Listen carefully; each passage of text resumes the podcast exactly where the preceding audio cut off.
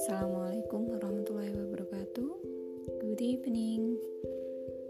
Uh, malam ini saya akan bercerita tentang Emily, itu ya. Ada sebuah tulisannya Gillian Anderson. Aku percaya orang lain ada dalam kehidupan kita karena suatu alasan. Jadi kita di sini untuk belajar satu sama lain.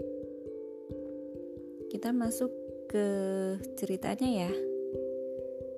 Sebagai instruktur acara berkemah, aku memperoleh hak istimewa untuk bertemu dengan banyak orang yang menakjubkan. Beberapa di antara mereka adalah anak-anak luar biasa yang tetap tinggal dalam hati dan kenanganku. Walaupun tugas kami membuat mereka mendapatkan suatu bagi mereka, justru mereka yang sering membuatku mendapatkan suatu. Seperti dengan tepat sekali disampaikan oleh Rogers and Hammerstein dalam The King and I. Jika aku menjadi guru, kau akan belajar dari murid-muridmu. Jika kau menjadi guru, kau akan belajar dari murid-muridmu.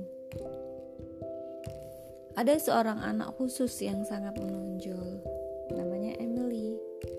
Emily datang ke perkemahan pada suatu musim bersama kelasnya dalam sebuah acara field trip sepekan. Sepintas lalu mereka seperti sekelompok anak pra remaja yang biasa, namun salah seorang pemimpin kelompok memanggil seorang staf kami untuk mengatakan sesuatu tentang Emily. Emily mengidap Down syndrome Walaupun aku juga mempunyai beberapa teman dengan Down syndrome, secara profesi aku belum pernah menangani seorang seperti itu. Sebagai instruktur pada sebagian acara pekan itu, aku perlu memahami lebih banyak tentang Emily guna mengetahuinya. Aku memperhatikan dengan cermat perintah-perintah yang kami berikan. Ketika orang dewasa mulai membicarakannya, aku merasa bahwa penekanan mereka lebih pada hambatan yang dimilikinya, bukan pada uh, anak itu sendiri gitu ya. Aku tidak ragu bahwa orang-orang dewasa itu berniat baik. Namun, ketika mereka berbincang tentang Emily, kebanyakan tentang apa yang mampu atau tidak mampu dia kerjakan, bukan tentang dia sebagai pribadi. Aku merasa agak terganggu karenanya, tapi rasanya aku hanya terlalu peka sehingga mengenyampingkan pikiran tersebut. Tiap anak yang datang ke perkemahan memiliki keistimewaannya masing-masing. Sebagai instruktur, kami mencoba menyumbangkan sesuatu yang positif ke dalam kehidupan setiap anak. Bagaimanapun, bagiku, setiap anak selalu uh, menonjol gitu ya Se uh, seolah-olah ada seorang yang menyorot sebuah lampu senter kepada seorang anak. Walaupun aku selalu berusaha dengan sungguh-sungguh untuk memberikan sesuatu kepada tiap anak tanpa sadar aku berfokus pada yang oleh teman-teman sekerjaku secara bercanda disebut sebagai proyekku. Aku mengerahkan banyak waktu, energi, dan hati pada tiap proyek itu. Pekan itu, anak tersebut adalah Emily. Dia menarik perhatianku seperti magnet. Aku mencoba menipisnya dengan berkata dalam hati bahwa aku tidak memiliki pengalaman cukup dengan Down syndrome untuk membantunya. Aku merasa tidak memiliki apa pun untuk ditawarkan. Aku bahkan mencari seorang anak istimewa lain dalam kelompok itu. Urusan apa yang sedang kucari? Dengan berpikir bahwa aku mampu berbuat sesuatu baginya yang tidak mampu diberikan oleh profesional terlatih. Namun mataku terus kembali ke anak kecil yang satu itu yang berdiri terpisah dari yang lain. Sementara hari demi hari berlalu, aku menyaksikan betapa terpisahnya dia dari teman sekelasnya Bahkan meskipun sedang ikut dalam suatu kegiatan, Emily sering berada di pinggiran. Terkadang yang lain memandang ke sekeliling dan melihat upayanya untuk bergabung. Bagaimanapun aku sadar bahwa kebanyakan uh, merasa dia mengurungkan niatnya semula. Aku mendengar beberapa mereka berkata, "Kita harus menunggu Emily dan dia begitu lambat. Mengapa dia masukkan dalam kelompok kita?"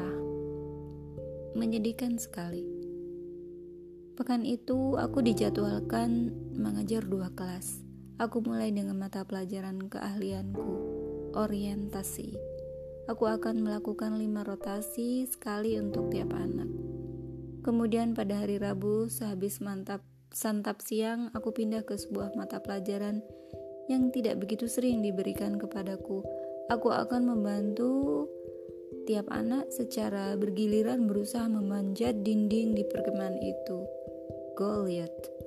Aku senang mendapat kesempatan yang langka itu. Aku menyaksikan hal-hal yang menakjubkan ketika anak-anak sampai ke dinding itu dan memanjat. Hari-hari terus berlalu dan acara memanjat Goliath dimulai. Tiap anak menentukan sebuah sasaran yang ingin dicapainya. Beberapa anak berhasil meraihnya, kadang-kadang melampauinya, ada yang perlu diberi semangat lebih banyak, dan ada pula yang terkejut sendiri ketika berhasil mencapai puncak dinding. Senyum ketika mereka meraih sasaran sudah menjadi hadiah tersendiri. Pada saat seperti itu, aku melangkah maju untuk memberikan semangat yang diperlukan. Bisakah kau naik selangkah lagi? Tanyaku. Bisakah kau melakukan sekali lagi?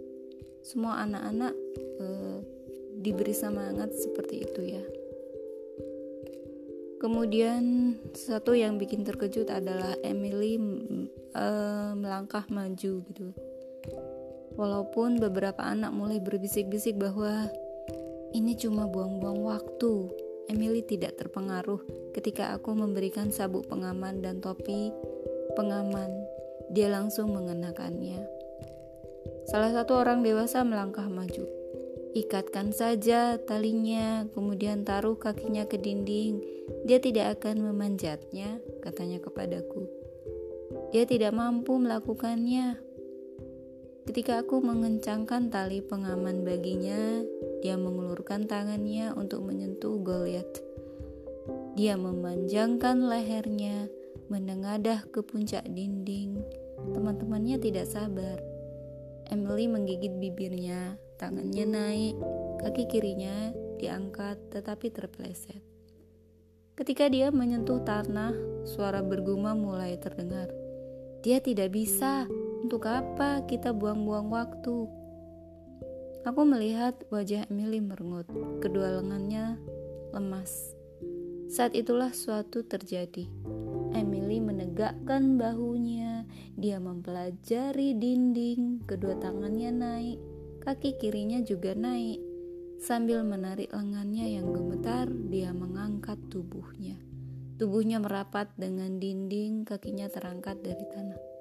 Mula-mula semua hening dan senyap. Setelah itu, teman-teman sekelompoknya mulai bersorak. Ketika kakinya terangkat lagi, sorak-sorai mereka lebih keras.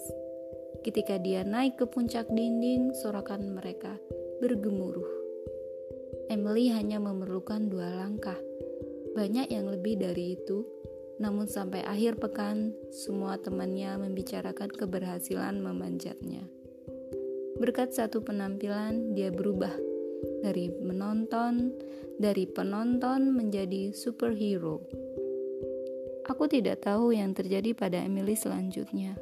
Aku tidak pernah bertemu lagi dengannya, tetapi dia mengajarkan sesuatu yang berharga padaku. Setiap kali terpikir olehku untuk menyerah, aku teringat bagaimana dia menaklukkan dinding itu dan melakukan sesuatu yang oleh semua orang dianggap mustahil. Aku menghimpun semangatku dan mencoba lagi. Dan Emily, di mana pun kau berada, terima kasih karena telah mengajariku kepercayaan, kegigihan, dan sedikit dorongan semangat untuk berhasil. penulisnya Jennifer Lautermilk. Sekian dulu cerita malam ini. Selamat beristirahat. Assalamualaikum warahmatullahi wabarakatuh.